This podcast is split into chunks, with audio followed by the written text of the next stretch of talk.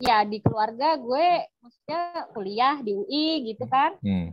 Terus gue pulang ke Tanimbar, gue balik uh, ke Tanimbar, lalu Hmm. ditanya Hmm. udah kerja di kantor mah apa udah udah daftar PNS mana gitu. Oh, itu Oh tipikal enggak, banget. ini ngerjain lameran.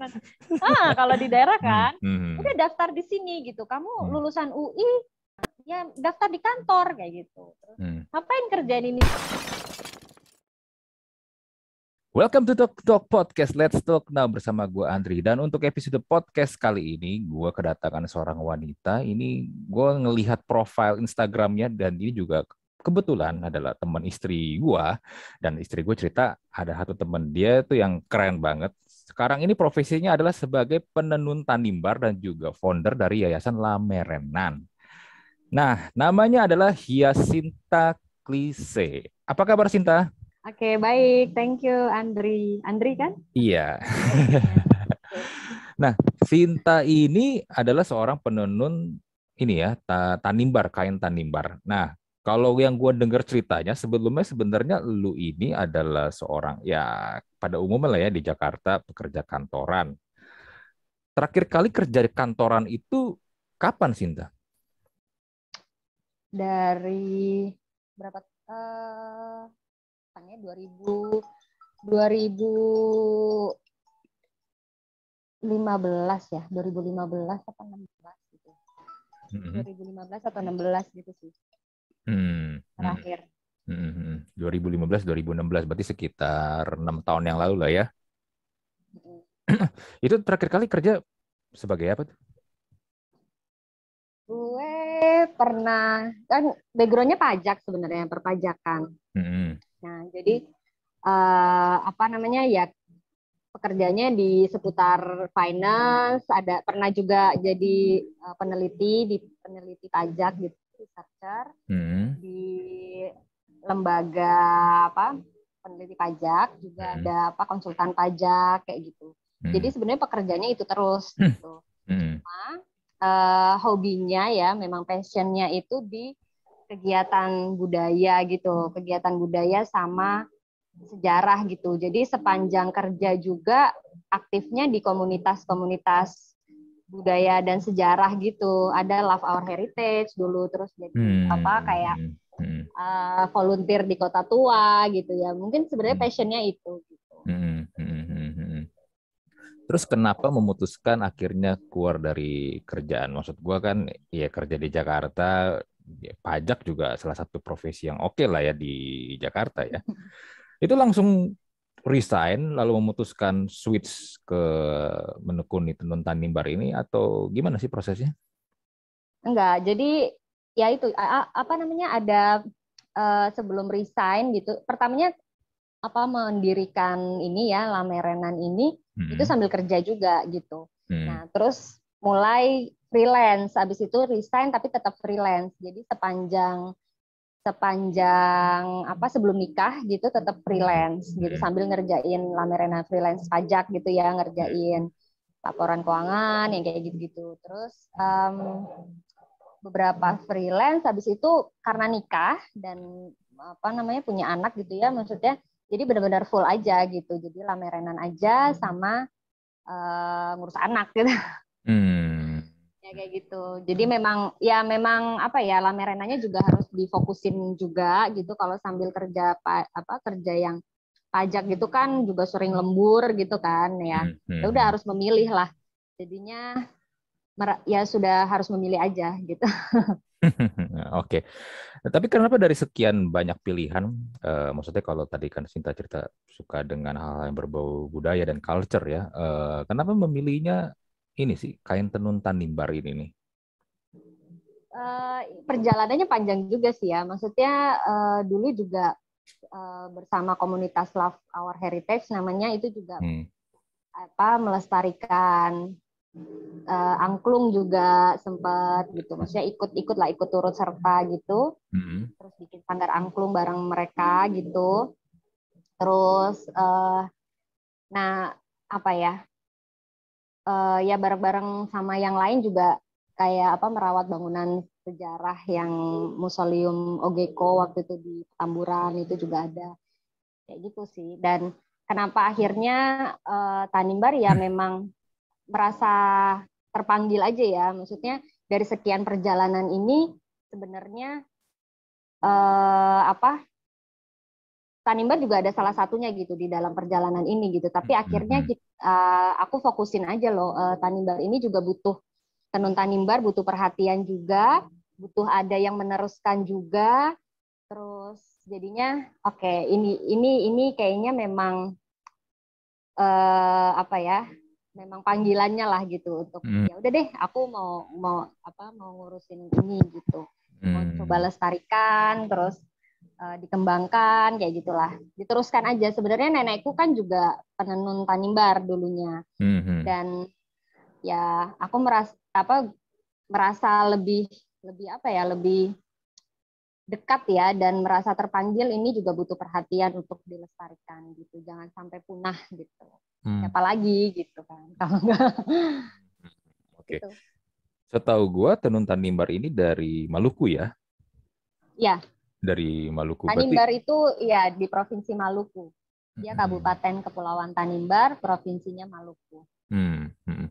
Berarti Sinta juga udah pernah ke sana langsung dong untuk melihat ya. bagaimana heritage mereka di sana gitu. nah, tadi kan bilang hampir punah. Memang seberapa ininya sih? Maksud gue gini, kalau bahasa hampir punah berarti kan komunitasnya atau mungkin orang-orang para pelakunya pun jadi kan dikit ya berkurang kalau kita, kayak kalau ya, kita mulai ngomong berkurang. mulai berkurang atau kalau konteksnya tadi kan kita bilang hampir jangan sampai punah lah seberapa ini sih memang seberapa berkurang nggak sih uh, ya itu kayak tenun-tenun juga mulai langka ya karena penenunnya yang langka dan ya hmm. ya memang kemajuan uh, zaman gitu ya maksudnya hmm anak-anak juga sudah tidak tertarik gitu untuk uh, untuk menjadi penenun kayak gitu kan. Dan hmm. banyak keluar sekolah di luar gitu. Hmm. ya nggak salah gitu maksudnya. Cuma tetap harus ingat ada kita punya warisan gitu loh. Maksudnya ini tradisi warisan yang sebetulnya juga sangat berharga gitu. Jadi walaupun kuliah tinggi uh, bekerja di apa gitu tapi ini seperti apa ya sesuatu yang kalau memang tidak mau jadi profesi nggak apa-apa gitu tapi ini tetap dijaga gitu jadi kayak tradisi uh, teknik menenunnya cara hmm. menenunnya kayak gitu sih hmm. karena ya ya ini kan warisan ya turun hmm. temurun gitu dan dan hmm. bisa jadi potensi ekonomi juga kalau memang mau serius di sini tapi kalau memang tidak mau serius nggak semua orang juga profesinya harus jadi penenun kan sebenarnya hmm. tapi menurutku uh, ini seperti apa ya kemampuan memasak misalnya gitu. Maksudnya nggak semua orang juga bisa pintar jadi koki, tapi semua orang bisa uh, minimal memasak gitu kan untuk hmm. untuk kebutuhan dirinya sendiri gitu. Nah, nenun hmm. itu kan sebenarnya uh, juga di sana di, sangat dipakai untuk adat adat kayak adat pernikahan, ada kematian, ya kan, hmm. hmm, hmm. tenun gitu. Nah kalau tidak ada di dalam satu keluarga itu memang benar-benar tidak ada kain, itu kan gimana gitu harus membeli dan membeli jadi mahal gitu kan. Padahal hmm. semua orang zaman dulu itu di rumah itu uh, pasti ada yang bisa menenun di dalam satu rumah gitu. Pasti ada kan kalau di rumah itu pasti ada nasi gitu kan. Maksudnya nah menenun ini sebenarnya sangat penting gitu ada di di uh, rumah orang Tanimbar misalnya untuk adat. Dan kalau tidak ada berarti tidak ada adat dong gitu. Bagaimana hmm. menjalankan adat itu gitu. Jadi gitu Nah, sekarang kan berkurangnya karena itu kan, karena ya tidak menarik gitu. Uh, dan dan dan itu yang aku mau kembali bukan mau apa ya? memperlihatkan lagi ini tuh sebenarnya uh, menarik loh gitu. Maksudnya uh, tenun itu cantik gitu, tenun itu menarik dan ini berguna kan buat adat gitu nantinya gitu. Maksudnya buat hmm. anak-anak muda juga hmm. dihargai kok gitu. Maksudnya uh, ya mau memperlihatkan itu mempopulerkan lagi lah gitu. Ya hmm. mereka bangga sih mereka masih bangga. Cuma ada juga uh, apa ya kehilangan ini kehilangan kemampuan untuk mewarnai dengan pewarna alam misalnya. Itu kan sebenarnya juga jadi bergantung sama apa bergantung sama bahan-bahan dari luar daerah itu gitu. Hmm. ya kayak gitulah. Jadi uh, yang aku bilang makin makin jangan sampai punah itu yaitu apa ilmu untuk memproduksi pewarna alam sendiri, ilmu untuk memakai apa memproduksi benang sendiri. Itu kan sebenarnya apa ya uh, kalau dilestarikan itu kan jenius ya. Maksudnya kita nggak butuh barang luar kalau kita bisa membuat benang kita sendiri kan. Mm-hmm. kenapa harus beli gitu? Di pekarangan banyak kapas dan bisa di bisa diolah gitu. Maksudnya mm-hmm. itu sih yang harusnya dikembalikan lagi gitu mm-hmm. satu kain itu berapaan sih harganya uh, kalau di sana, di sana dengan pewarna sintetis itu sekitar satu jutaan ya, satu sarung. Jadi itu satu sarung, 700 sampai satu juta. Gitu. Hmm. Tapi kalau yang di sini dengan pewarna alam dan yang pewarna alam itu kebanyakan ada sih beberapa penenun di sana pakai, tapi eh apa jarang, udah jarang. Jadi saya pakai aku gue hmm. uh, pakai pewarna alam. Uh, jadi kalau yang pewarna alam sini aku jual 3 juta gitu. Di sana dua duaan lah. Hmm. Satu sarung, satu sarung. Sarung hmm. itu dua lembar tenun. Hmm. Hmm. hmm. Jangan bilang justru peminatnya lebih banyak dari luar negeri dibandingin di Indonesia. Nah, iya gitu. Dan uh, iya, yang pewarna alam gitu, makanya hmm. di Jakarta juga yang sudah uh, pemik apa ya pemikirannya mungkin terbuka atau apa gitu ya mereka hmm. mencari mencari yang pewarna alam yang hmm. uh, dan orang luar juga maunya yang pewarna alam gitu dan itu lebih dihargai jadi waktu itu dan itu yang apa ya yang ingin tak populerkan gitu loh maksudnya hmm. uh, benda-benda kebudayaan Indonesia itu sangat disukai gitu kenapa orang Indonesia sendiri apa ya merasa hmm. apa ya Oh, oh, padahal ini keunikan ini tuh apa uh, ada kesadaran itu ya. Aku sih punya sudah waktu itu punya kesadaran bahwa hmm uh, ini penting dan ini sangat berharga gitu ya. Nah, ini yang lewat Lamerenan juga mau um, mengajak yang lain biar punya kesadaran yang sama gitu, biar ini penting dan ini berharga, jadi ini harus dijaga gitu. Hmm, hmm, hmm, hmm. Hmm, cuman begini sih, ini ini yang gue lihat ya, ya dengan gempuran terutama internet dan sosial media terutama ya. Uh, kenapa kalau yang gue lihat di Indonesia sebenarnya kan kita punya kekayaan budaya heritage itu kan banyak banget kan ya kalau kayak ke gue terakhir kali juga waktu itu ke daerah Nusa Tenggara Barat tuh uh, lihat mereka juga banyak bikin kain-kain juga. Kalau nggak salah di Nusa Tenggara Barat tenunan tenun tenun juga ya kalau nggak salah ya. Gue, gue lupa namanya. Iya. Uh, gue lupa oh, namanya apa. Di mana? Sumba apa? Sumba ya di Sumba. Lombok atau? Uh, Sumba atau Lombok? Ya Lombok sih di Lombok ya di Lombok. Di Lombok di Lombok di Lombok. Uh, cuman begini sih ini ini yang gue lihat ya. Kita itu di Indonesia itu agak susah menjualnya karena tidak atau masih belum mampu untuk me, kalau sekarang kan istilahnya kolab ya, kolab, kolab ya, kolaborasi dengan budaya pop culture. Kalau mungkin ya gue bisa ambil contoh kayak Korea ya. Korea itu kan kemarin ada TV series Squid, Squid Game ya Squid Game itu kan is uh, really really famous sampai ke negara-negara lain pun gak cuma di Korea, seluruh dunia pun pada nonton gitu kan. Semua orang pada nonton. Salah satu malah bisa dibilang sekarang top ini ya uh, most view-nya di Netflix untuk TV series. Yang gue lihat adalah gini, itu kan TV seri ya, tapi mereka tuh mengawinkannya dengan ini kan heritage ya heritage uh, Korea kan. Permainan tradisional. Iya, permainan ya. tradisional ya kan. Sampai kan ada ini kan, dalgonatnya itu jadi famous kan. Di even di Indonesia pun orang ya, pada ber, ya. pada berlomba-lomba mau ini, mau cobain gitu kan. Sampai juga ada yang banyak yang jual juga. Dan ini menurut gue yang sebenarnya agak susah gini loh. Satu sisi memang kita nggak bisa mengesampingkan peran pemerintah ya karena kalau di Korea kan pemerintah support banget untuk begini-begini kan. Mereka kan banget. mereka kan emang sekarang ini jualannya adalah ya pop culture-nya mereka, K-pop kan. K-pop kan yang mendatangkan uh, wisatawan datang buat ke Korea. Nah, sebenarnya kan kalau di kita ini, gue masih, gue sorry itu sih ya, tapi gue masih melihat ada kita berkutat dengan hargailah karya anak bangsa.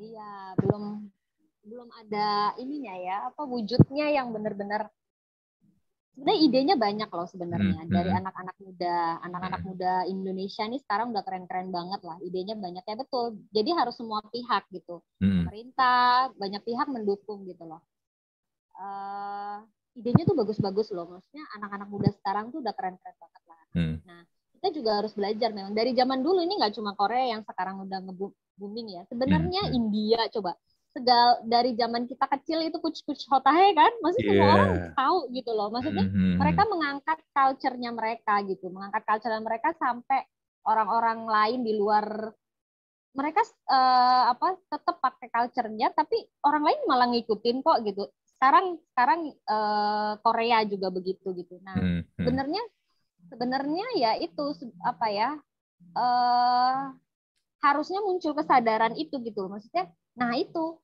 Itu yang mereka mengangkat budaya lokal mereka dan akhirnya terkenal. Kenapa kita harus ke barat-baratan misalnya ya? Maksudnya eh, kenapa kita nggak ngangkat budaya lokal kita dimasuki eh, apa namanya? Di apa?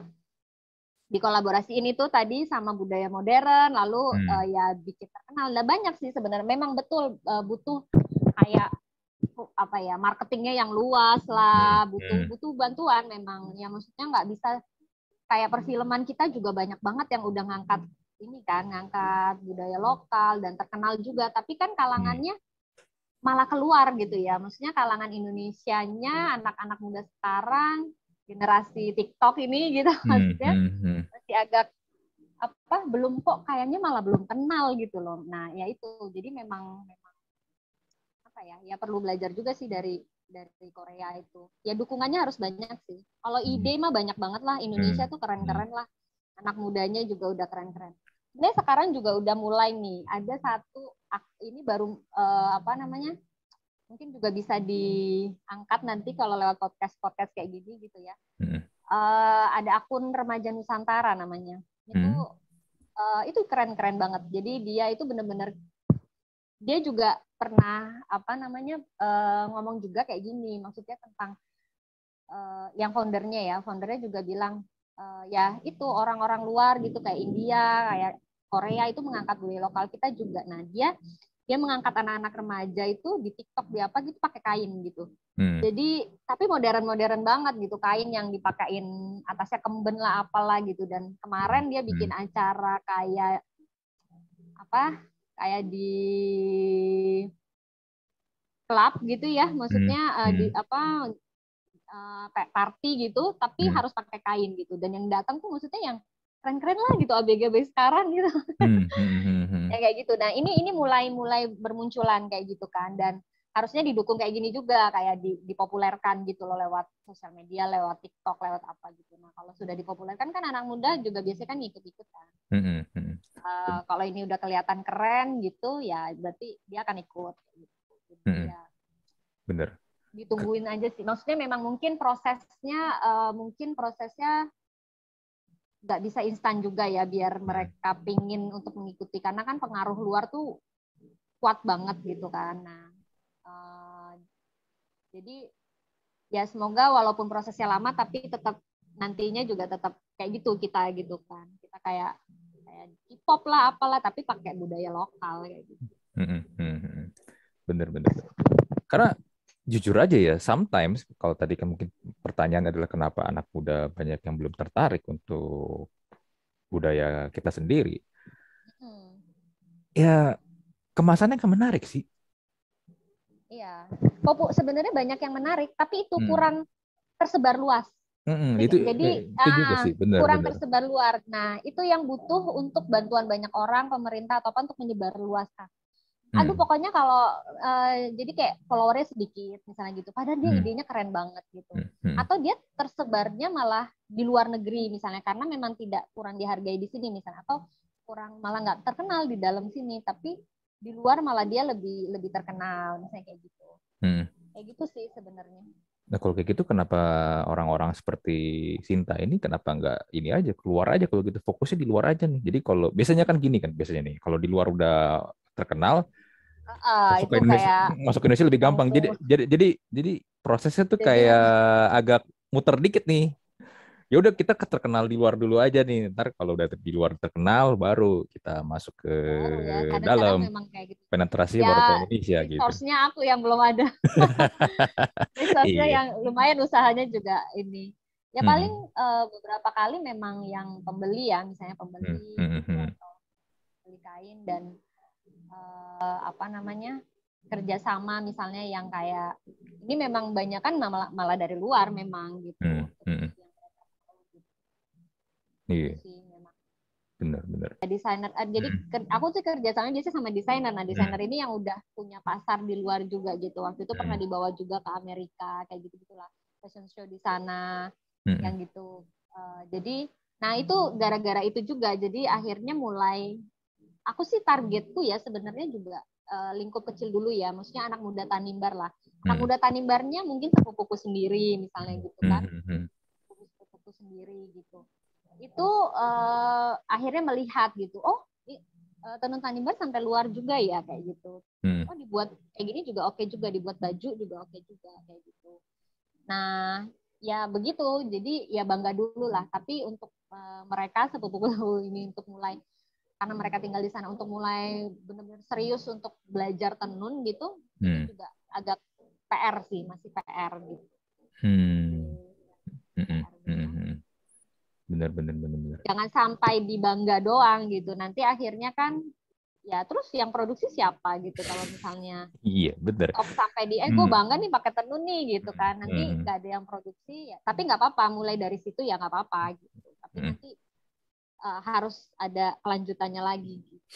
Bener, karena kalau misalnya mau tetap bisa, gue nggak usah ngomongin lah booming dulu ya, sustain lah ya. ya di sini kan iya. kalau mau jadi bisnis harus sustain dulu kan ya mau nggak mau kan harus membangunnya menjadi sebuah industri kan. Kalau nggak ada industrinya, nggak ada yang pelakunya, ya udah. Kalau tadi kita ngomong tentang punah, ya punah itu bisa bisa aja terjadi gitu loh, karena nggak ada yang mau jalanin lagi. that's that's that's the problem kan. Dan kadang gini juga sih ya, kalau di Indonesia tuh kadang-kadang gue suka mirisnya juga ngeliatnya gini sih. Orang kita itu memang masih susah untuk menghargai sebuah karya.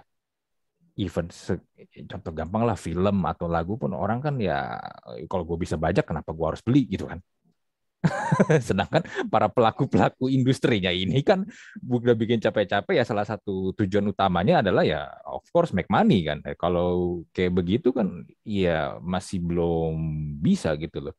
Makanya kata tadi tadi gue bilang harusnya sih memang lebih baik terkenal di luar dulu sih kalau menurut gue ya. Ya walaupun mungkin eh, tadi kan kalau Sinta bilang masalahnya adalah belum ada resource atau dananya, ya mungkin pitching maybe ya startup startup sekarang kan pada pitching pitching cari investor.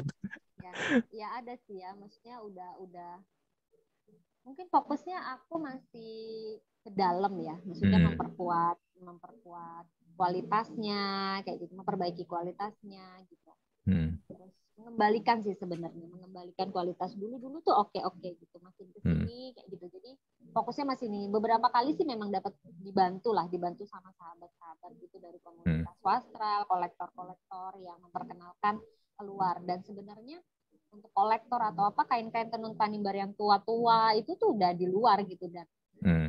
uh, kayak di museum-museum di mana gitu itu kain tenun lama gitu dan di museum-museum di museum-museum di Belanda di waktu itu di Austria kalau nggak salah itu hmm. juga ada pameran dan itu ada kain tenun tani bertua di sana ya kayak gitu nah yang perlu dikasih tahu itu kan berarti cerita itu harus sampai gitu ke hmm.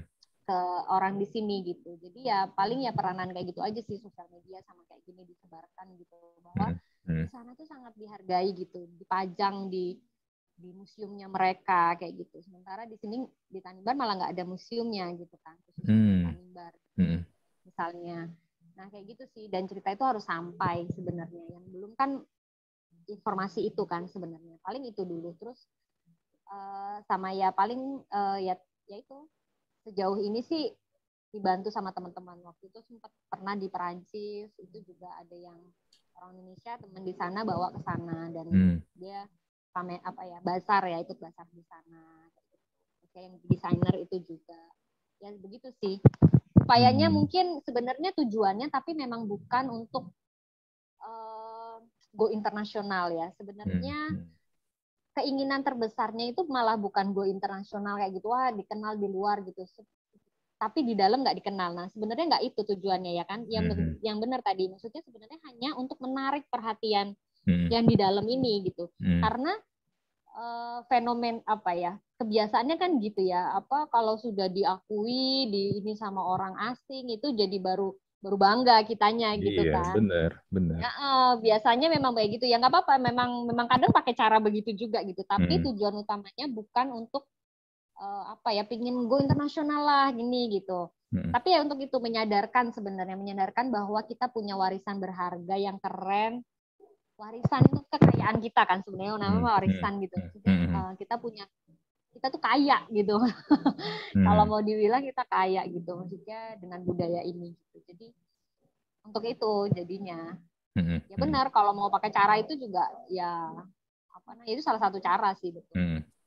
Iya kayak ada kemarin ada satu brand clothing lokal kan yang ke Amerika tuh bersama beberapa brand ambassador. Itu kan ini kan bikin hype kan di sana kan. Eh, orang-orang jadi aware. Gue pun juga akhirnya tahu ada brand itu. Oh ternyata itu brand lokal karena mereka itu ikut apa New York Fashion Week ya kan di sana kan.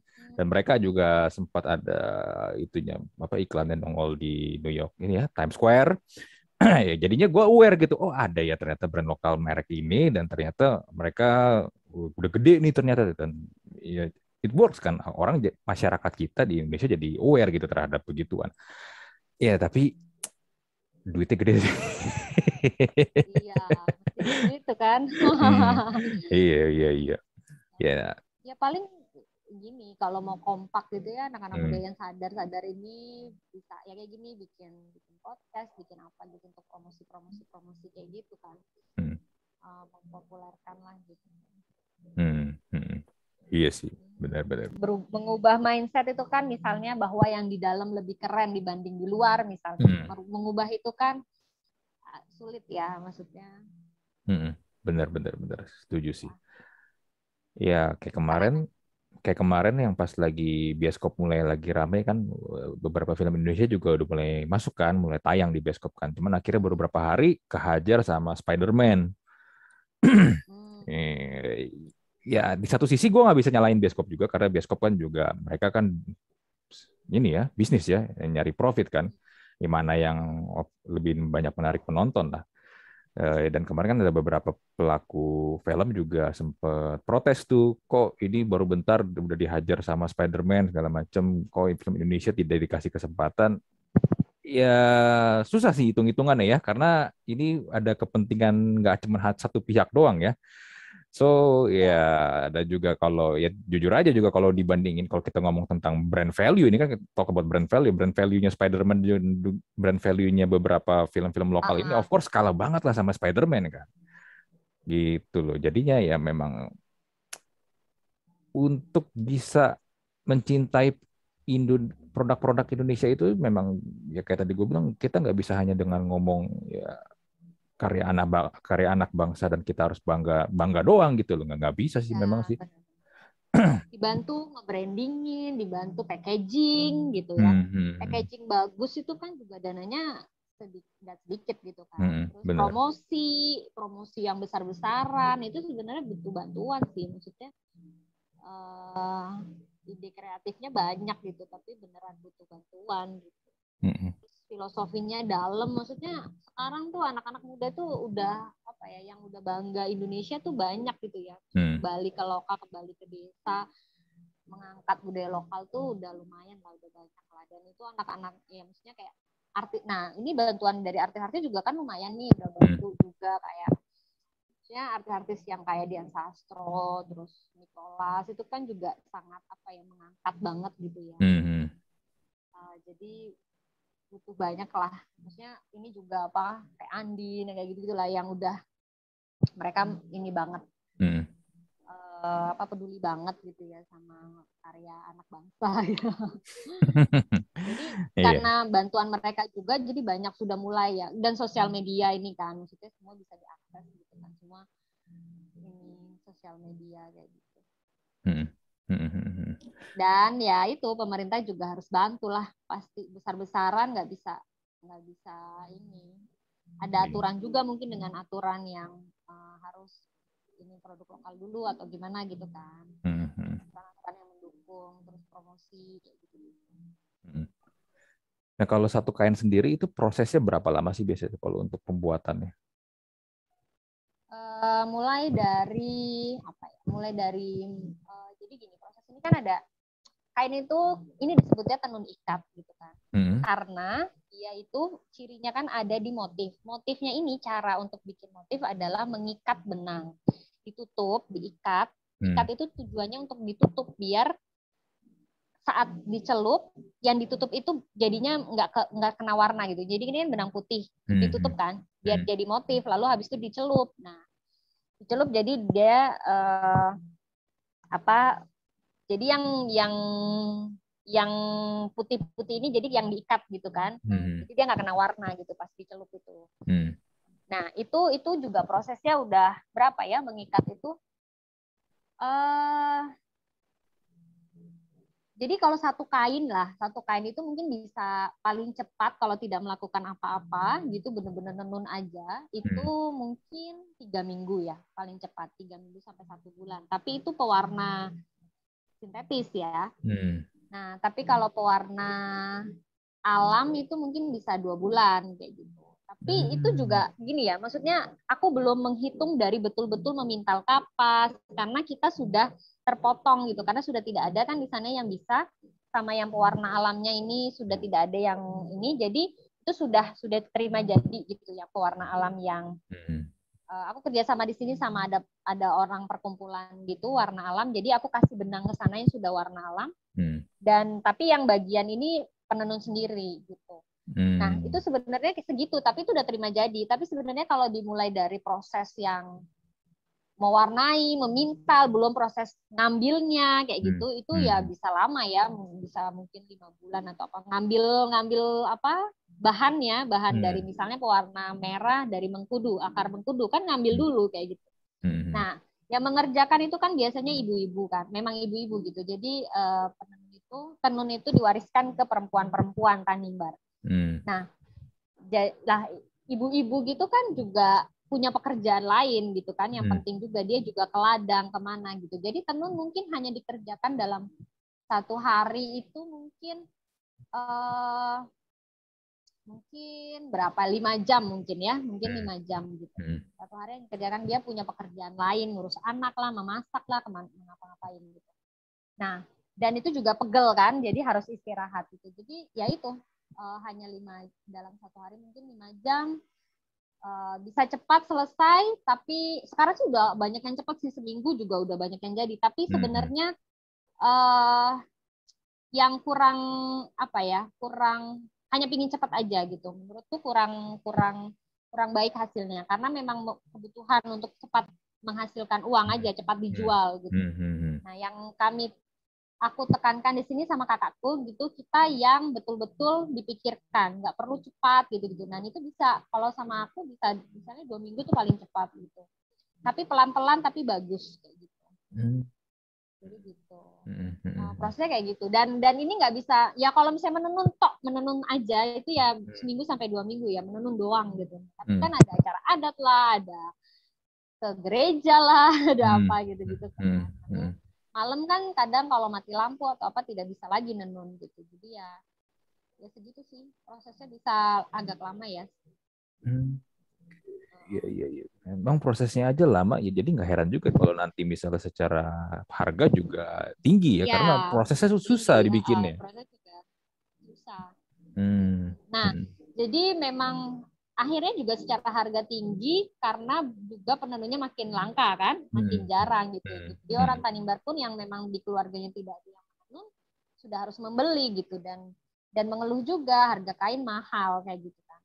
Nah itu sebenarnya. Kalau kita juga bisa menghasilkan sendiri kita membuat sendiri kita ngolah sendiri Hmm. dalam satu rumah aja itu kan pasti ya mengurangi itu ya. Maksudnya jadi kita uh, ditabung pelan-pelan gitu. Jadi kayak nabung kain pelan-pelan di lemari kayak gitu ya. Maksudnya Hmm, hmm. uh, ya jadi sustain sebenarnya jadi sustain gitu. Nah Hmm. tapi memang masih punya nilai jual juga jadinya. Keluar ke orang di luar Tanimbar misalnya atau ke yang memang yang tidak bisa menenun nah itu itu ada nilai jualnya karena memang lama. Dan kalau di luar kan sekarang handmade itu kan memang sangat dihargai ya. Hmm. Jepang kayak gitu tuh handmade itu craft ya. Pokoknya hand handicraft ya Hmm. itu dihargai banget lah justru malah yang pewarna alam terus sekarang juga sudah eh, dipopulerkan eco fashion kan Emma Watson segala ngomongnya eco fashion gitu-gitu. Jadi slow fashion gitu. Nah, tenun-tenun Indonesia itu menjawab kebutuhan itu pasar dunia gitu loh sebenarnya. Hmm. Jadi hmm. uh, uh, sekarang itu kan slow fashion ini sangat sustain ya. Kalau apalagi yang benar-benar di NTT yang masih yang masih kapasnya dari pekarangan gitu. Hmm. Jadi dia pintal dari benang loh. Itu dari dari dari benangnya aja sudah sangat apa lock apa sangat handmade ya dengannya hmm, hmm, handmade hmm. sendiri tenunnya handmade sama terus pewarnanya handmade apa perwarnanya uh, ya dibuat tangan juga dan dari pekarangan sekitar gitu wah itu tinggi sekali ya sebenarnya harganya dan nilainya juga tinggi sekali dan uh, apa namanya kalau mau di, dibilang itu slow fashion gitu ya mau memakai bahan itu wah itu menjawab banget ada kok pasar apa ya jadi ada pameran-pameran internasional yang eco eco fashion gitu ya tentang hmm. eco fashion lah ya itu kalau jadi kalau memang pemerintah gitu ya misalnya mau membawa tenun atau siapa gitu ke keluar dan nggak perlu bikin yang langsung gimana ya memenuhi kebutuhan pasar yang apa e, banyak masal gitu ya hmm. kita bisa sedikit tapi harganya tinggi gitu jadi pilih dan sustain dan lestari kan. Hmm. Lestari lingkungannya, nggak ada bahan-bahan kimia yang merusak kesehatan gitu kan, merusak alamnya gitu. Jadi memang lama sekarang tapi itu harganya tinggi gitu. Tinggal cari pasarnya dan pasarnya ada sebenarnya. Kayak gitu loh. Jadi pasar dunia tuh ada sekarang juga. Iya, iya, iya. Oh, jadi kalau jangan juga apa ya sekarang ah ini lama terus nggak memenuhi ini nih kalau mau dibuat baju-baju produksi massal ya jangan memang ini bukan kelas untuk itu gitu ini hmm. kelas kelas seni ya sebenarnya hmm. kelas hmm. apa ya oh kayak gitu bener bener bener berarti memang ini bukan massal nggak cocok jadi retail sebenarnya ya iya memang hmm. dan dan apa ya ya jadi ini adalah apa ya kayak jadi penenun itu seniman sebenarnya hmm, gitu. Hmm, dia kayak hmm. menjual aku juga kayak menjual lukisan gitu kalau mau hmm. uh, menjual satu begini ini hasil karya tangan gitu ya hasil karya uh, seniman kayak gitu memang ya nggak cocok jadi retail gitu dan yeah. memang sekarang ada kayak keinginan untuk wah ini kurang nih kalau misalnya untuk dijual banyak gitu untuk apa gitu maksudnya sebenarnya sebenarnya kita bisa gitu dengan harga yang tinggi dengan mempertahankan hmm. ini bisa tapi harganya tinggi Hmm. Caranya ya dipopulerkan aja gitu. Maksudnya di, dikasih pengertian kas apa ya, edukasi pasar gitu bahwa ini memang kain berkualitas tinggi gitu. Maksudnya dibuat dari awal dengan tangan gitu lah. Maksudnya hmm. Hmm. dengan iya gitu apa keahlian membuat kain itu oleh orang desa gitu ya, orang-orang kampung ternyata mereka sangat jenius untuk membuat kain gitu loh. Hmm. nah ini maksudnya aku tuh penuh rasa takjub ya, kenapa aku bener-bener ingin terjun ke sini karena yang dipandang sebagai apa orang kampung orang desa dia bisa buat kain loh gitu dia bisa hmm. bikin bajunya sendiri tanpa membeli orang tidak bergantung sama orang lain gitu maksudnya hmm. nah itu kejeniusan itu ya aku akhirnya takjub ya maksudnya dan hmm. itu harus dihargai dan maestro maestro kain itu. Terus uh, ya untuk meningkatkan maksudnya tetap butuh uh, apa namanya ekonomi ya gitu. Untuk meningkatnya itu ya butuh bantuan untuk dipasarkan kayak gitu. Hmm, dan, hmm, hmm. dan jangan um, apa akhirnya jangan maksudnya gini kan ada juga nih misalnya wah ini uh, kurang gitu ya. Kalau memenuhi kebutuhan pasar nih nggak bisa nih gitu. Jadi hmm, dibuatlah lebih cepat dengan di print misalnya kayak batik-batik gitu kan di print terus oh, iya. oh. apa ya uh, dengan dengan alat mesin misalnya dibuat kayak gitu. Nah, itu yang menurutku jangan sampai kayak gitu gitu. Ini aja bisa kok kalau kita mau gitu kita hmm. pasarkan dengan harga tinggi bisa gitu. Ada kok gitu. Maksudnya sejauh ini yang aku lakukan aja dengan dengan minim promosi, minim apa minim sumber daya gitu ya hmm. ada aja yang cari gitu. uh, aku promosi yeah, yeah. dengan di sosmed aja biasa gitu sampai ada orang yang orang Indonesia tinggal di Turki misalnya ada yang uh, ada aja gitu yang akhirnya tahu gitu dan mencari gitu. Itu gitu sih. Aku sih yakin kalau memang ada dukungan banyak orang gitu. Hmm. Tapi lumayan ya, maksudnya sekarang sudah gencar pemerintah juga lumayan lah, hmm. gencar apa uh, promosi-promosi gitulah untuk kain-kain ini kan. Hmm. Hmm. Wastra ya, wastra Indonesia batik, gitu. tenun, ikat, tenun, songket. Hmm, benar benar benar benar. Ya berarti mungkin tadi bisa gua ralat tuh kata-kata gua tadi itu ini harusnya bukan menjadi industri secara bisnis Industri, retail ya, iya, eh, tadi. tapi tapi Ah, lebih betul. ke collectible item Art, jadinya art. ini. Iya, Ah, art yang jadi collectible item. Heeh. Jadi Ya, kalau ya, gua betul. be- gua beli satu ya udah mungkin ini satu-satunya di dunia nggak udah nggak ada lagi nih yang Ya, model ya, betul, lainnya. betul, betul. Iya, Ah, ah. berarti memang harus benar kayak begitu. Walaupun motif mungkin sama ya, tapi Mm-mm. secara detail kadang kan warna mencelup itu kadang karena dikerjakan orang besoknya dia nyelup nggak akan dapat warna merah yang sama gitu loh. Maksudnya, benar benar. besoknya nyelup lagi kok warnanya pudar kak gitu kok warnanya lebih bagus misalnya kayak gitu ya manusia kan manusia bukan mesin gitu loh Hmm. dan sebenarnya itu mahalnya sebenarnya maksudnya itu eh kerennya malah di situ gitu karena satu-satunya gitu kan ya ada yang sama gitu aku bikin beberapa mungkin sama gitu ada orang PO gitu ya pre-order gitu tapi aku mengurangi sih pre-order karena ya itu ada ada yang mengerti bahwa eh, ini pasti akan beda, tidak akan sama persis. Tapi ada juga yang kok nggak sama banget gitu. Hmm, hmm. Nah itu yang aku akhirnya, em, oke kita ready stock dan cuma ada ini, cuma ada satu begini begini. Iya. Itu makanya aku juga kadang nyimpen. Jadi yang aku bagus, wah ini aku nggak akan dapat lagi nih, aku akan simpan gitu untuk aku Hmm. juga untuk contoh. Iya, iya. Dan berarti ini secara segmen juga segmennya harus menengah ke atas ini kalau menurut gua nih. Kalau menengah ke bawah mah nggak nggak masuk. Ya, nah itu sebenarnya. Tapi em, apa ya? Tapi gini ya, misalnya aku jual 3 juta gitu ya. Kalau punya kesadaran anak orang anak-anak muda sekarang beli sepatu juga ada yang 3 juta gitu ya. Beli Banyak. tas gitu loh. Maksudnya beli Banyak sepatu Nah, sneaker 3 juta mah. banyak ya kan 3 juta. Nah, itu mereka mau. Ini kan cuma cuma pilihan sebenarnya ya. Hmm, Maksudnya hmm. segitu segitu sebenarnya secara kemampuan tuh mampu gitu ya anak muda. Hmm. Tapi kan niat apa enggak gitu beli ngapain gue beli ini gitu. Nah, jadi dikasih alasan gitu. Maksudnya alasan yang kenapa dia harus membeli ini gitu kan. Sebenarnya itu itu yang perlu banyak di pop di ini ya maksudnya digaungkan gitu. Kenapa gue Iya. harus beli itu? Kenapa gue nggak beli sneaker yang lebih keren kalau gue pakai misalnya Hmm. gitu lah. Kalau dia merasa gue keren kok pakai kain, gue mau beli kain misalnya. Nah Hmm. itu sih. Hmm, benar-benar. Gue gue Jadi jadi ngebayangin, gue jadi ngebayangin nih gini misalnya let's say nih ya kayak tanimbar lu yang lu produksi ini nih misalnya dipakai sama Travis Scott lah, ya kan, atau Kendall Jenner, wah itu pasti booming banget, tuh orang pasti nyari itu nggak mungkin enggak. Coba diundang ke sini. Karena gini, eh gua, gua mungkin contoh paling gampang gini lah ya, eh, Nike Air Jordan ya, itu kan Nike Air Jordan itu kan basically itu sepatu basket ya, iya kan, sepatu bas sepatu basket Ya, itu ya. kan. Nah, tapi kan sekarang kenapa jadi sebuah sepatu yang jadi hype beast ya kan? Untuk eh, jadi dipakai buat sehari-hari, Sehari-hari iya ya Buat- ke mall ke mana macam. gitu. karena ya itu tadi gua, yang tadi gue bilang karena mereka berkolaborasi dengan pop culture. Ada Nike Air Jordan misalnya yang kolaborasi sama tadi gue bilang Travis Scott. Ada Adidas apa gitu yang kolaborasi sama artis mana. Ada kan Air Jordan kolaborasi sama Dior yang sepatunya aja Nah. 20 juta teman sepatu? Sepatu 20, 20 eh 20 juta 20 juta 200 juta gua- 200 juta sorry 200 juta.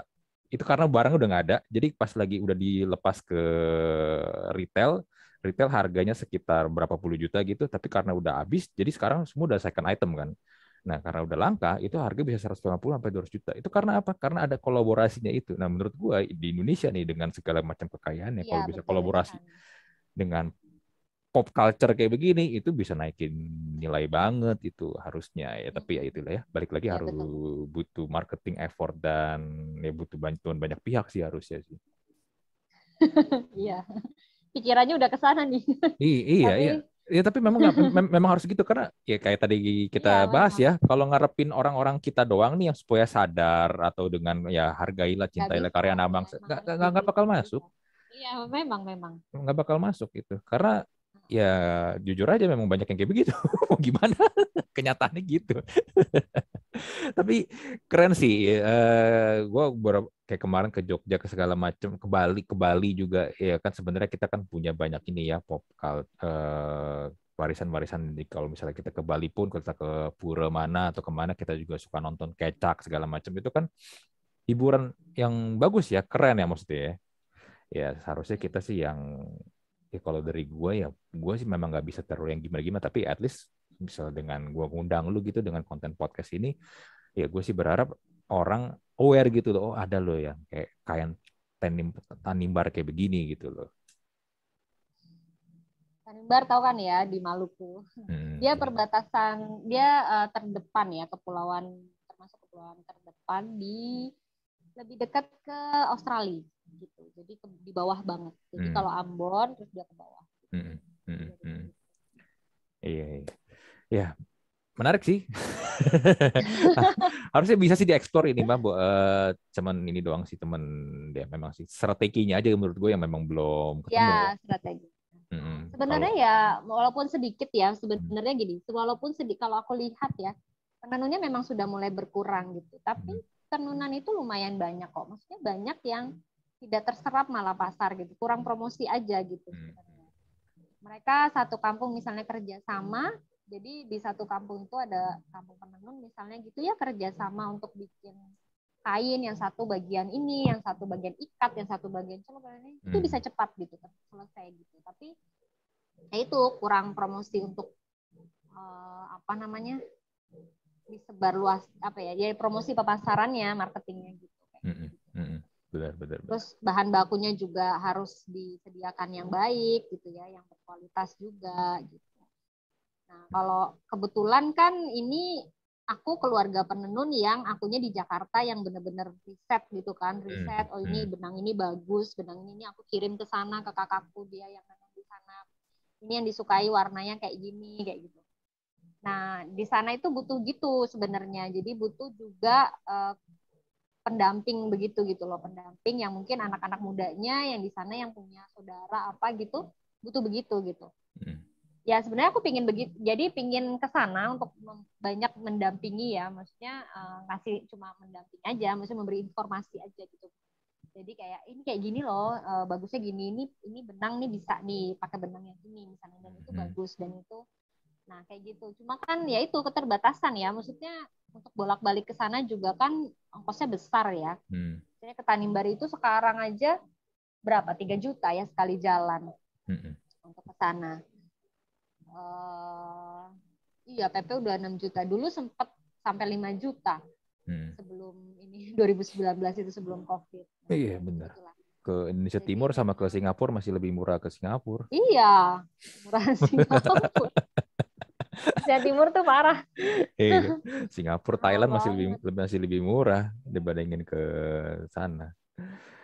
Ya, anyway, uh, gue juga menemukan fakta menarik dapat bocoran dari istri gue juga. Nama lu kan Hyacinta Klise, uh, katanya satu keluarga nama lu sama semua. Itu itu gimana ceritanya sih? Kalau satu keluarga nama bisa sama semua? Hah? Nggak, sebenarnya gini. Jadi tradisinya itu anak laki-laki ini, hmm. kalau punya anak perempuan, hmm dia harus menamai dengan anak dan dengan mamanya. Kalau dia punya anak laki-laki, pertama dia harus hmm. punya dia harus namai dengan nama bapaknya, kayak gitu. Oh. Nah, jadi aku samanya itu sama sepupu-sepupuku yang anak-anak perempuan pertama. Jadi dari om-omku kan. Hmm. Gitu. Jadi kalau apa namanya? Tahu kan ya maksudnya jadi kalau anak laki-laki gitu, anak laki-laki yang hmm. bawa marga itu, hmm. dia punya anak perempuan nih, dia harus kasih hmm. nama nih ke nama mamanya sama persis. Hmm. Kalau dia punya anak laki-laki, dia harus kasih nama nama bapaknya sama persis. Nah, dia kan bapakku kan punya adik kakak kan, hmm. yang hmm, cowok-cowok hmm. juga. Hmm. Anak-anaknya dia yang perempuan kan jadinya dinamain sama ibunya kan. Jadi kan sama sama aku sama sepupu-sepupuku tuh sama namanya jadinya. Oh. Kayak gitu.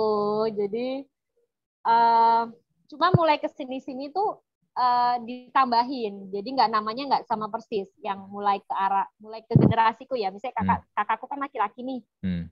aku laki-laki jadi dia punya kewajiban kalau dia punya anak perempuan dia hmm. harus namain nama mamaku kan hmm.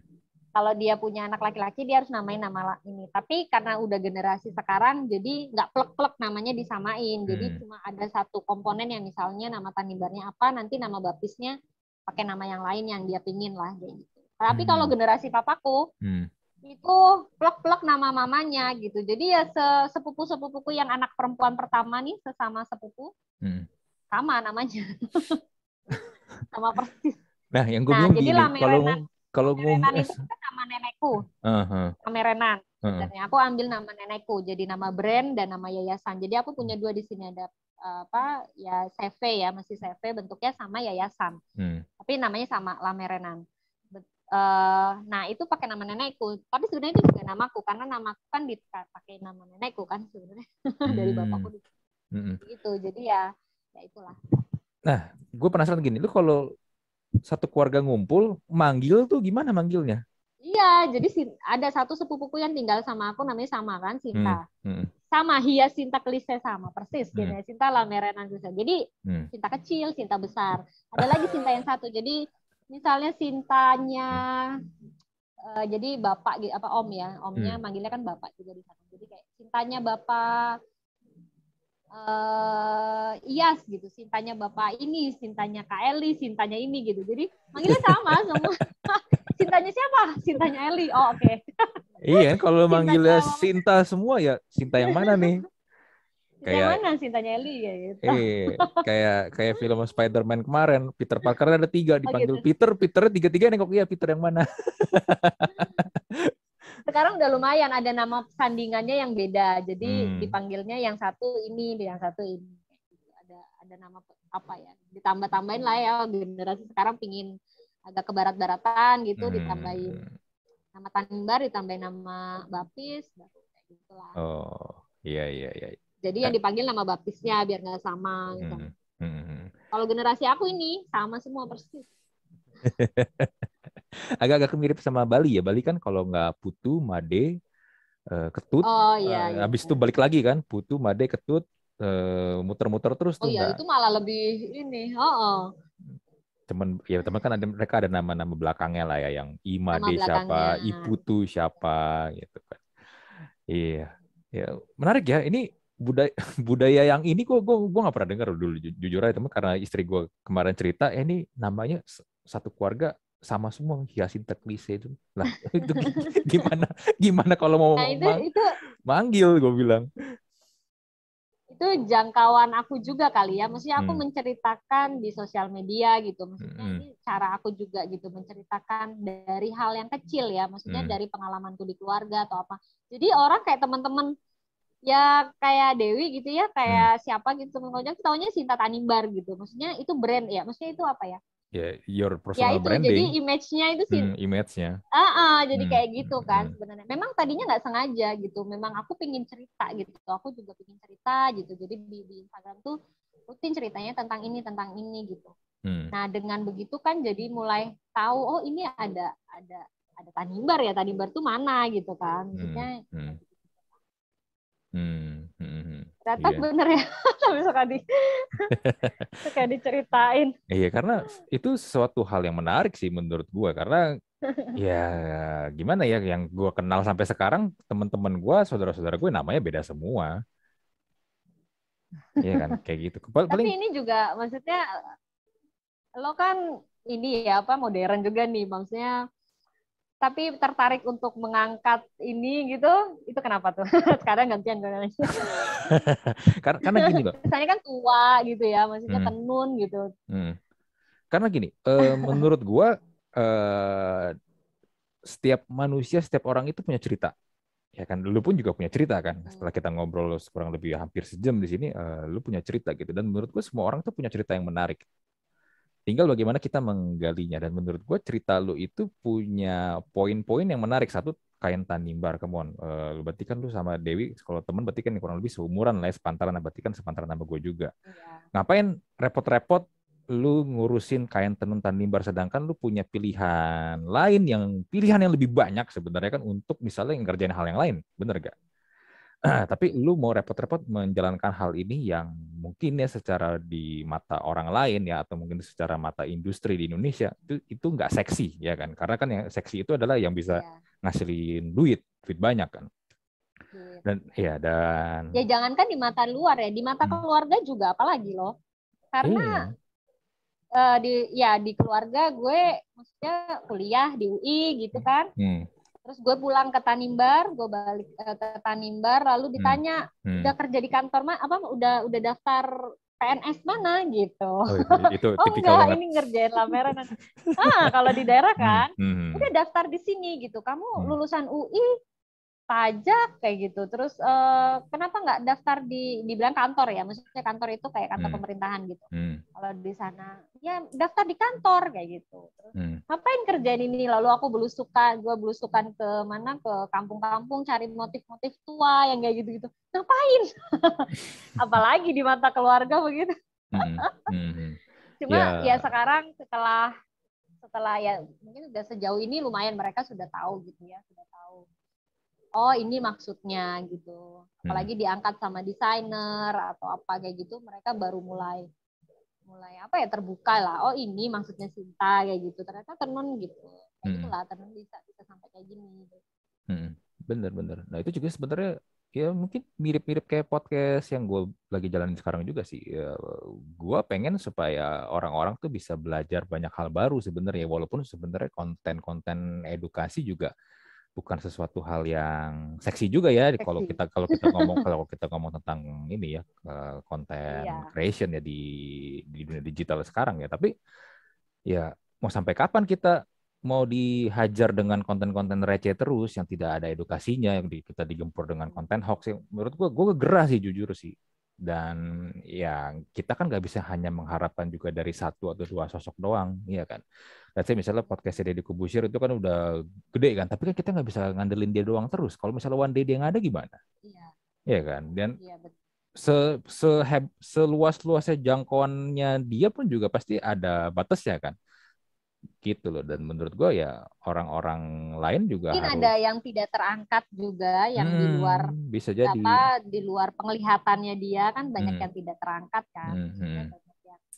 Banyak yang tersembunyi tersembunyi nih kayak gue mungkin iya bener Belum. bener ya makanya kita kita sebenarnya butuh butuh banyak Kan. ini karena gini kalau kita tidak mulai dulu dengan mindset ya tadi kita eh, sempat ngobrol tentang mindset ya mindsetnya dulu eh ya gimana kita bisa ini membuat apa yang ada di Indonesia itu bisa kita banggain gitu kan nah itu itu sebenarnya yang harus kita sama-sama jalanin nih sama-sama bangun kalau menurut gua gitu loh dan ya balik lagi apa yang lu kerjain ini menarik menurut gua.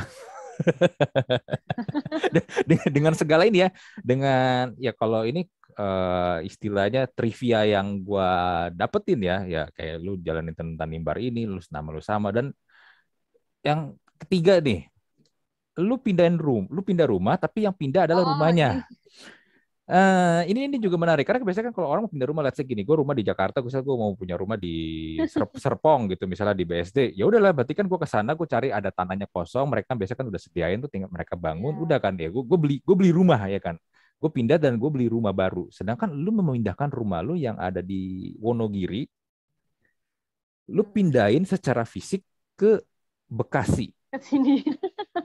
itu itu gi- gimana gimana lu bisa kepikiran kayak gitu? Kan kan lebih ribet ya lu mindahin rumah kan soalnya kan Gak tahu ya, jadi gue dan suami itu memang pecinta budaya ya. Maksudnya kita itu sangat apa Hmm. ya? Sangat entah bisa dibilang pelaku nggak sih? Maksudnya pelaku tapi juga pecinta lah ya. Maksudnya kita Hmm. karena besar di lebih lebih di kota ya, aku besar di kota gitu. Tapi kita sangat mengagumi. Hmm.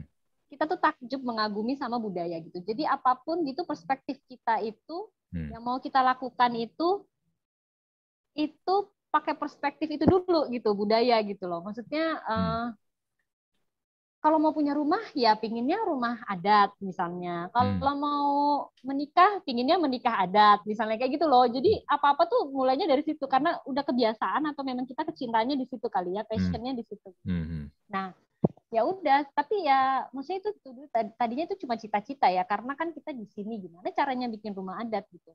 Tapi cuma cita-cita gitu. Hmm. Sempet udah mau ambil rumah ya, kita penga- apa eh, pasangan muda baru gitu kan. Jadi ya udahlah yang KPR-in rumah aja cari cari klaster di sini kayak gitu. Sempat sempat pikir kayak gitu. Mungkin kayak Hmm. gitu gini rumah-rumah rumah-rumah yang kita impikan itu mungkin kalau kita sudah pensiun kalau ini gitu di desa. Hmm. Tapi kak, terus aku pikir kenapa kita pikirannya begitu ya gitu. Maksudnya kenapa itu harus jadi rumah kedua dan ini. Nah kebetulan karena kita sudah mikir begitu, jadi semesta mendukung kali ya. Hmm. Dan tiba-tiba di ada tetangga yang bangun rumah Jawa juga di daerah sini. terus baru uh, apa namanya tapi dia tembok. Jadi dia tembok bukan kayu gini kan. Jadi hmm. dia cuma bawa kayu-kayunya aja dan dia orang tua gitu. Mesti dia hmm. orang tua dia punya tanah agak lebar. Karena kebetulan di aku tinggalnya Bekasi yang kampung ya kampung sawah namanya. Hmm. jadi tanahnya masih lebar-lebar gitu. Terus aku bilang kan kita pingin kayak gini kan. Ya udah kita bikin kayak dia aja gitu kan. Jadi aku akhirnya beli tanah di sini. Hmm. jadi beli tanah yang aku pikir mau akan bangun nanti gitu kapan-kapan pelan-pelan sambil tinggal di rumah orang tua dulu kan sambil nyari-nyari rumah rumah udah jadi gitu ya rumah jadi untuk cicilan gitu terus akhirnya pas itu baru ingat lagi kenapa kita nggak bikin kayak gini aja nah terus ya udah bikin rumah limasan tapi nyari rumah di Jawa sebenarnya jadi ini rumah orang gitu karena hmm. rumah hmm. suamiku yang di Jawa itu bukan rumah kayak gini bukan rumah kayu dia udah rumah tembok gitulah udah rumah modern hmm. nah gitu jadi akhirnya oh iya pindahin aja gitu. Jadi kita beli rumah, rumahnya udah begini nih. Hmm. Terus dibeli, dipretelin, dibawa ke sini, dibangun di sini sama. Gitu.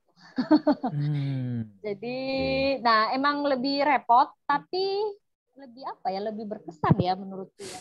Kadang tuh kita hanya memikirkan repotnya kan di awal gitu kan. Hmm.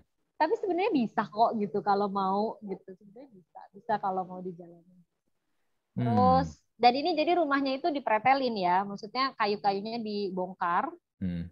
dibongkar sampai genteng-gentengnya, sampai semuanya itu dibawa dua truk ke sini, hmm. baru dipasang lagi. Tukangnya ya sama, tukangnya di sana sama tukangnya di sini uh, ikut gitu loh, tukangnya ikut ke sini terus ngebangun. Karena harus rumah Jawa. Sebenarnya kendalanya sih memang kayak sekarang nih mau ada perbaikan gitu ya. Hmm. Uh, tukang sini nggak banyak, tukang Jakarta gitu ya, Bekasi gitu, itu nggak banyak yang yang bisa kayu gitu. Perkayuan itu agak susah sekarang. Kendalanya memang begitu. Memang ya kita kita nanti um, apa ya? Maksudnya ini udah dibangun pondasi sebenarnya pondasi untuk kalau misalnya sewaktu-waktu sudah tidak ada kayu lagi yang bisa dipakai, tidak ada tukangnya lagi. Hmm. Uh, untuk mungkin pakai pakai tembok gitu akhirnya. Hmm. Cuma ya sebisa mungkin kita lestarikan kayak gini dan kayu yang dipakai kan kayu bekas. Jadi rumah lama, ada yang baru sih, ada beberapa yang baru tapi ganti, tapi yang kayu yang bekas yang masih bisa dipakai kita pakai. Jadi, nah kalau konsep suamiku itu kan memang uh, green ya, maksudnya uh, pinginnya rumah yang ramah lingkungan loh. Hmm. Masyarakat apa rumah adat itu sangat ramah lingkungan gitu, nggak perlu mikir-mikir ramah lingkungan itu misalnya daur ulang apa, daur ulang apa. Hmm. Itu sangat ramah lingkungan dan ini memenuhi keinginan kami juga gitu konsep kami gitu yang kalau mau ramah lingkungan ini rumah second bukan baru semua benda-benda dan uh, aku juga sukanya barang antik ya maksudnya hmm. hmm memang kayaknya udah passion aja ya jadi suka lemari-lemari lama apa kursi-kursi lama gitu yang tahun-tahun jadul kayak gitu terus tempat tidur kayak tempat tidur dari Simba kelihatan nggak kelihatan Oke gitu itu zaman dulu banget itu tempat tidur ya. Iya makanya. jadi jadi ini memang apa ya ini rumah rumah ini rumah apa ya rumah rumah yang berisi barang-barang museum. iya, dulu nenek gua, nenek nenek dari bokap gua dulu masih pakai ka, kasur nah, ranjang model kayak gitu tuh. Ranjang itu kan, iya. cuma diganti busa gitu karena nggak ada kapuk sekarang. Iya. Kapuk cuma kapuknya hmm. ada cuma covernya itu udah yang nggak enak kan yang nggak nggak apa namanya covernya tuh udah yang nggak yang nggak adem. Iya. Yang polyester gitu. Nah, ya hmm. ya gitu. Jadi memang kita itu kesukanya itu ya, maksudnya kesukaan budaya, sejarah, benda-benda antik ya kayak gitu sih. Gak tahu ya ini kesurupan apa. Gak kesurupan lah ini berarti kan memang lu sukanya begini ya kan. Lu berarti ya, suka suka suka berbau-bau hal yang vintage berarti dong ya? Ya, suka-suka vintage gitu loh. Maksudnya berarti mobil ya, mobil ya, juga vintage nih uh, Vespa sih, belum punya mobil. Oh kan? Pinginnya begitu. Vespa Vespa lama. Ada Vespa, Vespa lama. Oh, 70 ya, kali 70 berapa gitu. Ya Vespa mertua sih si apa apa suamiku. Mm -hmm. gitu. Suka sukanya yang vintage juga aja. Maksudnya ya sejalan lah, maksudnya tenun tanimbar, sejalan mm -hmm. dengan pingin living, dengan budaya itu sejalan sih. Mm -hmm. Karena suami kan juga sukanya apa naik gunung gitu kan ya yang hmm. lebih ke alam gitu. Terus jadi aku suka budaya dia juga suka budaya juga sih ya. Aku suka alam juga gitu. Ya gitu. Iya, gue gue liat Ya, di ini Instagram sebenarnya lu, lu merit di hutan ya, di Gunung Salak ya kalau nggak salah ya. Gunung Salak. Yang di gereja sini sih tapi itu kayak resepsi. Dan itu juga itu mestakung banget lah semesta Hmm. semesta ini banget lah. Maksudnya itu tadinya berawal dari kayak kita ngebayangin seru juga ya kalau kita resepsi camping gitu kan gak mungkin orang tua pasti nggak bolehin kayak gitu Hmm. terus tiba-tiba juga ada apa saudara kebetulan orang Tanimbar temennya bapak juga dia punya camping ground gitu di sana Hmm. dan ramah ramah orang ramah inilah ramah orang tua dan ramah anak lah ya gitu Hmm. akhirnya bapak mau karena itu orang Tanimbar gitu yang punya kan. Tadinya nggak kepikiran ngapain sih nikah di resepsi di apa di camping ground di atas gunung repot lah segala macam gitu kan. Hmm. terus ternyata ya itu karena ini akhirnya mau semuanya malah seru. Malah camping jadi teman-teman camping dan dan low budget loh. Maksud tuh kalau mau yang yang unik yang ini itu low budget banget. Ini juga low budget rumah juga nggak nggak nggak apa ya bisa gitu kalau kita mau lebih usaha mikir gitu nggak kalau terima jadi kan memang jadinya akhirnya lebih mahal gitu kan Iya, itu ah. harga yang harus dibayar gitu karena orang lain Hmm. yang memikirkan nah kalau kita mau lebih memikirkan berarti kita Hmm. lebih murah gitu bayarannya gitu Hmm. apa eh, biayanya Benar. Gitu. sama benar. kayak pernikahan kayak gitu Iya iya iya. Sih, akhirnya didukung aja sih Mm-mm. Berarti sekarang nih yang Seru mau aja sih. merit ya, yang mau merit mau merit sekarang nih kalau alasan pandemi udah nggak dipakai lagi, bilang aja alasannya mau merit di hutan gitu, lebih lebih low budget gitu. oh iya benar benar-benar jadi dulu tuh teman-teman datang aja semua semua diundang Hmm. tapi gini ya kalian camping jadi bawa perlengkapan camping makanannya kalau kurang jadi kalau makanan Hmm. kurang Hmm. bakar sendiri jadi teman-teman ada yang bawa bakar jagung sendiri padahal makanan kita sediain gitu tapi Iya. maksudnya kan ngeri ya takut kurang gitu kan Hmm. terus em, ternyata cukup gitu maksudnya ternyata cukup tapi mereka udah bawa perbekalan sendiri kayak udah pada bawa ini bawa apa namanya eh, jagung bakar lah apalah Hmm. kasihan Hmm. banget ya. Iya. udah suruh datang lah Udah suruh dateng, meritan orang, apa ya, kasih angpau, eh gue suruh masak sendiri, mau lagi Gak mau lagi.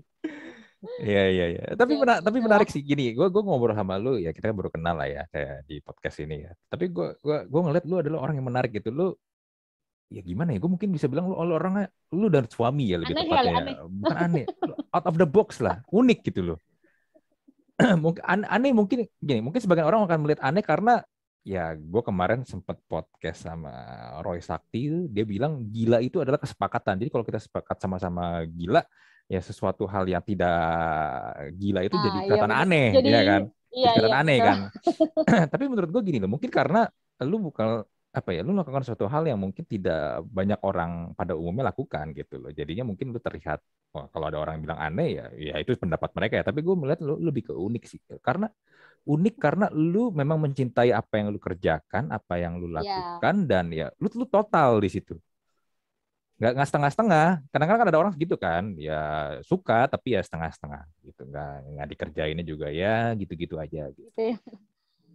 Iya sih, memang kayak menikmati aja gitu. Awalnya juga memang kayak ya udah gitu orang orang gue suka kok. Kan kelihatan ya sebenarnya bukan untuk dilihat pingin kelihatan aneh doang gitu loh. Maksudnya Hmm, hmm, ingin kelihatan unik kan juga eh, ya mungkin mungkin ya. Mungkin ada pikiran ya mungkin pingin kelihatan unik aja pingin kelihatan anti mainstream aja gitu. Hmm. tapi kalau gue ya ya emang gue suka gitu gue jalanin aja gitu. Maksudnya Hmm. orang juga akan tahu sendiri gitu memang itu yang dia suka bukan karena memang pengen kelihatan aneh aja gitu. Nikah di gunung misalnya pengen kelihatan mungkin pengen kelihatan mainstream anti mainstream aja gitu. Hmm. orang suka gitu. Dan kalau di di gue kenapa pengen cari yang halaman luas gitu? Karena gue mau menunjukkan budaya Tanimbar lagi-lagi gitu ya. Hmm, kalau di gue hmm, hmm. kepentingan itu gue pengen nunjukin. Jadi dengan nikah di gunung waktu itu kita bikin makanannya itu bakar batu namanya. Jadi masaknya di dalam tanah masaknya di dalam tanah pakai batu bara ditutup tanah daun pisang tanah gitu sebenarnya itu ada Hmm. harusnya ada babi ada ayam dimasukin situ sama ubi singkong Hmm. tapi karena ada saudara juga yang muslim jadinya nggak pakai itu jadi cuma uh, ubi dan singkong dan itu makanan utama loh kue kue pernikahanku nggak pakai kue gitu ya jadi hmm. pakai ubi singkong gitu dan itu kan murah hmm. banget gitu tapi kan unik gitu dan hmm. cuma uh, sampai saudaraku yang orang Tanimbar juga itu malah nggak kepikiran nggak apa-apa sih. Karena di sana itu itu untuk makanan kayak kita kumpul di pantai kayak gitu. Hmm. bukan untuk pesta yang besar pernikahan hmm. gitu kan. Nggak hmm. apa-apa aku mau itu. Akhirnya om-omku tuh yang bikin bakar batu di tanah. Dan hanya bisa dilakukan kalau kita nikahnya di lapangan kan gitu. Maksudnya hmm. di hutan gitu. Kalau hmm. di gedung kan nggak bisa gitu. ya mungkin. Langsung nyala itu uh, apa, jadi terpenuhi. uh, airnya. Ya, jadi terpenuhi juga keinginanku hmm. gitu untuk memperkenalkan itu ke teman-teman hmm. yang lain gitu yang pada datang ke undangan itu atau mungkin di sosial media saat aku cerita gitu maksudnya uh, terpenuhi gitu keinginanku terpenuhi suamiku yang memang senangnya camping ngumpul sama teman-teman gitu hmm. dengan sambil camping itu terpenuhi juga. Bapakku yang uh, kalau pesta menurut dia itu orang Tanimbar harus joget gitu kan sampai pagi. Nah kalau hmm. kita di gedung nggak bisa nyewa sampai pagi gitu. Hmm. hmm. Akhirnya terpenuhi juga terakomodir semua keinginan gitu sebenarnya kalau kita hmm. ingin senang-senang gitu. Ya kayak gitulah jadinya um, apa yang kita lakukan itu bukan untuk kelihatan unik aja lah kita sukanya ini mau gimana iya benar kayak gitu oh, oh. kalau lu suka ya udah lu lu jalanin lu kerjain gitu iya nggak, dan nggak, peduli ya, orang ngomong apa ya kayak rumah oh, kayak rumah ini juga sebenarnya juga antara kita suka dan ini budgetnya itu terbatas gitu waktu itu untuk mau bangun rumah budgetnya terbatas dan bikin rumah ini tuh sangat apa ya sesuai budget gitu jadinya. Hmm, Maksudnya hmm. nggak uh, sekarang kan berapa? tiga ratusan ya minimal hmm. ya kalau di sini. Bangun rumah belum tanahnya gitu ya. Ini sama rumah eh sama tanah gitu. Eh waktu itu ya kalau nggak aneh-aneh nih, kalau nggak aneh-aneh rumahnya aja kalau tanah memang sesuai JOP ya sekitar 200 waktu itu zaman 2019 ya 200 hmm. 2 juta ya se, meter hmm. di sini. Nah, terus uh, ini 100 terus udah gitu 100 meter nah terus rumah itu kalau kita nggak aneh-aneh sebenarnya ya 30 juta itu kita bisa tinggal gitu udah hmm, maksudnya ya? listrik rumah itu kan cuma butuh sebenarnya listrik kamar mandi air hmm. air kamar mandi listrik uh, udah kan sebenarnya apa lagi um, nah ini kan karena kita pinginnya misalnya ada apa ada apa gitu jadi kita udah tinggal di uh, udah terbangun gitu 70 itu udah bisa tinggal. Tapi ya misalnya kayak finishing pelan-pelan kita 70 juta tuh bisa tinggal loh di dalam rumah gitu di Jakarta di mana Jabodetabek gitu kan. Hmm, hmm, hmm. Gitu sih. Jadi ya antara pingin sesuai passion tapi juga karena nggak ada dananya juga karena pengen merajin hmm, hmm. jadi mengakomodir kan jadi pelan pelan maksudnya jadi bisa kita bisa tinggal tapi pelan pelan dibenerin pelan pelan dibenerin Iya, iya, iya. Utama-utama udah gitu kayak misalnya septic tank gitu kan, maksudnya hmm. septic tank, air, mesin air, listrik, kamar mandi. Itu kan yang utama kan, tempat tidur gitu. Hmm. Ya udah gitu sebenarnya kita butuh apa gitu. Hmm, hmm, hmm. Nah, karena pingin tegel yang aneh, misalnya pingin kursi yang apa-apa gitu ya jadi lebih. Cuma kan pelan-pelan yang kita kita penuhinya pelan-pelan. Hmm. Iya, iya, iya. rumah orang tua di sana di orang ada ada orang tua dia janda jadi dia jual rumahnya karena dia mau ikut anaknya. Dia jual rumahnya doang. Mm-hmm. Bukan jual rumah dan tanah. Nah, rumahnya jadi akhirnya kita bawa ke sini. Hmm. Menarik sih, menarik, menarik.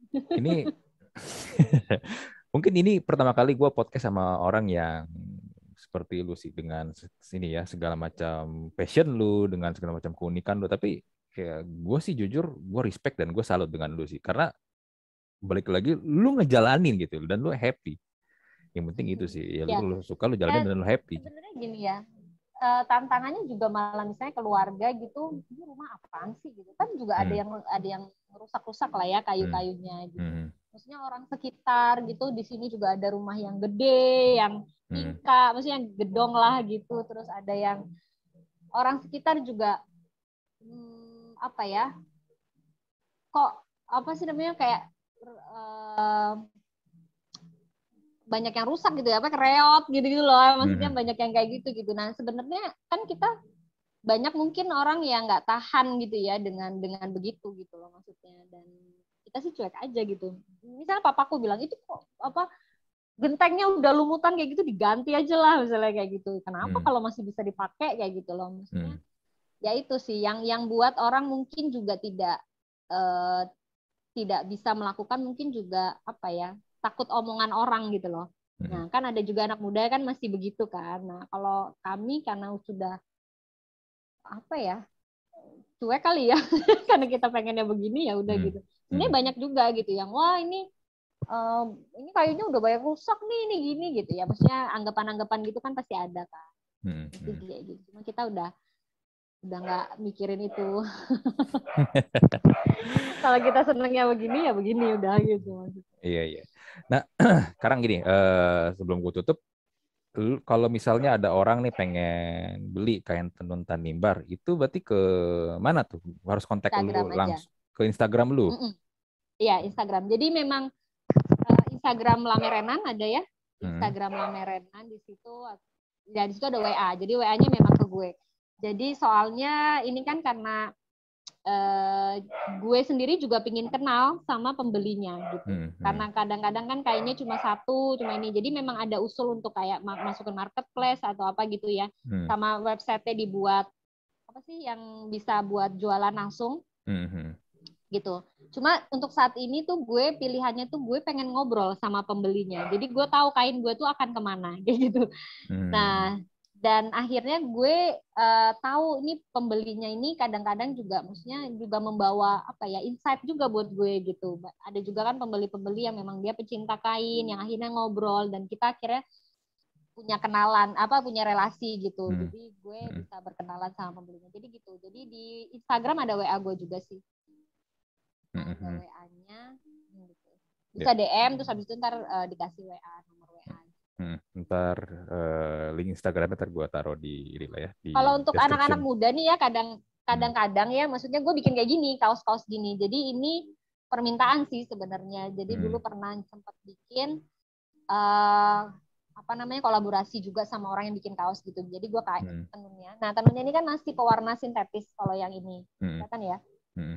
Uh, warnanya cerah gitu ya. Nah ini memang uh, memanfaatkan yang sudah diproduksi gitu sayang daripada nggak diapa-apain jadinya ya udah gue manfaatin gitu untuk dibikin kaos gitu dan itu juga karena permintaan tadinya gue itu sebenarnya pengen fokus di kain gitu hmm. fokusnya tuh di kain aja gitu jual kain gitu jadi biar yang olah itu mungkin kolaborasi sama misalnya desainer mereka yang olah lah jadi baju hmm. gitu kan hmm. hmm. karena nanti juga risetnya akan panjang gitu tapi beberapa gue bikin karena memang karena suka aja misalnya gue pengen terus ada orang yang sih bikinin dong baru maksudnya ayo coba bikin kaos atau bikin gue mau dibikinin dress misalnya kayak gitu tuh baru. Tapi nggak nggak fokus di situ gitu. Jadi fokus memang kain. Nanti kalau mau kolaborasi misalnya kayak bikin tas atau apa gitu. Kayaknya hmm. udah nggak ada energi dan dan risetnya kan panjang ya. Maksudnya tas itu bagusnya apa? Kalau orang sukanya kulit tuh bagaimana? Kayak gitu gitu loh. Hmm. yang suka kulit yang suka ini itu kan risetnya panjang juga. Dan gue memang lebih suka fokus di uh, kain karena bisa mempelajari juga uh, karena lagi mempelajari tenunnya juga dan mempelajari filosofinya gitu. Jadi gue mau daleminnya di filosofinya gitu. Kalau untuk bikin produk lain lagi gitu produk yang ini masih udah apa ya ya nggak terlalu tertarik sih. Hmm, dan hmm. energinya juga menghabiskan energi gitu. Hmm, bener bener bener. Oke ya, deh. sendiri uh, iya iya.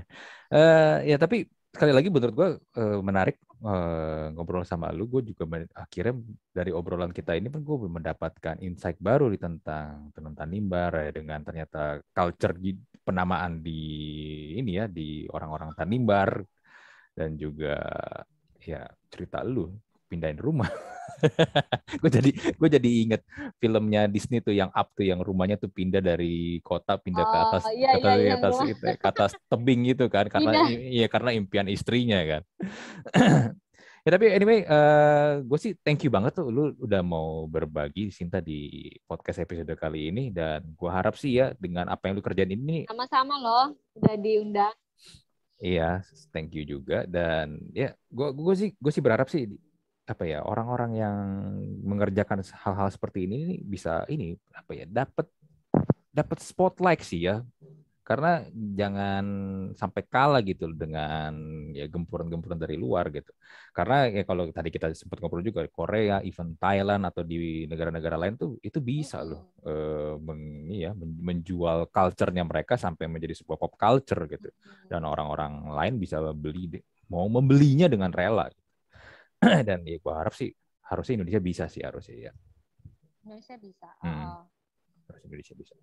Oke deh. Uh, banyak banget loh yang bisa dijual. benar, banyak banget yang bisa dijual Kayaknya dari uh, banyak banget. Gak, Tarian lah segala macam. Gak cuma batik-batik doang ya. Gak cuma batik lagi, batik lagi banyak jadinya. banyak loh sebenarnya. Hmm. Oke deh, uh, gue close dulu untuk episode Talk Talk Podcast okay. podcast kali ini. Gue Andri dan Hiasinta. Semoga menjawab pertanyaan. Ya, sangat menjawab pertanyaannya. Kita jumpa lagi di Talk Talk Podcast episode berikutnya. Bye.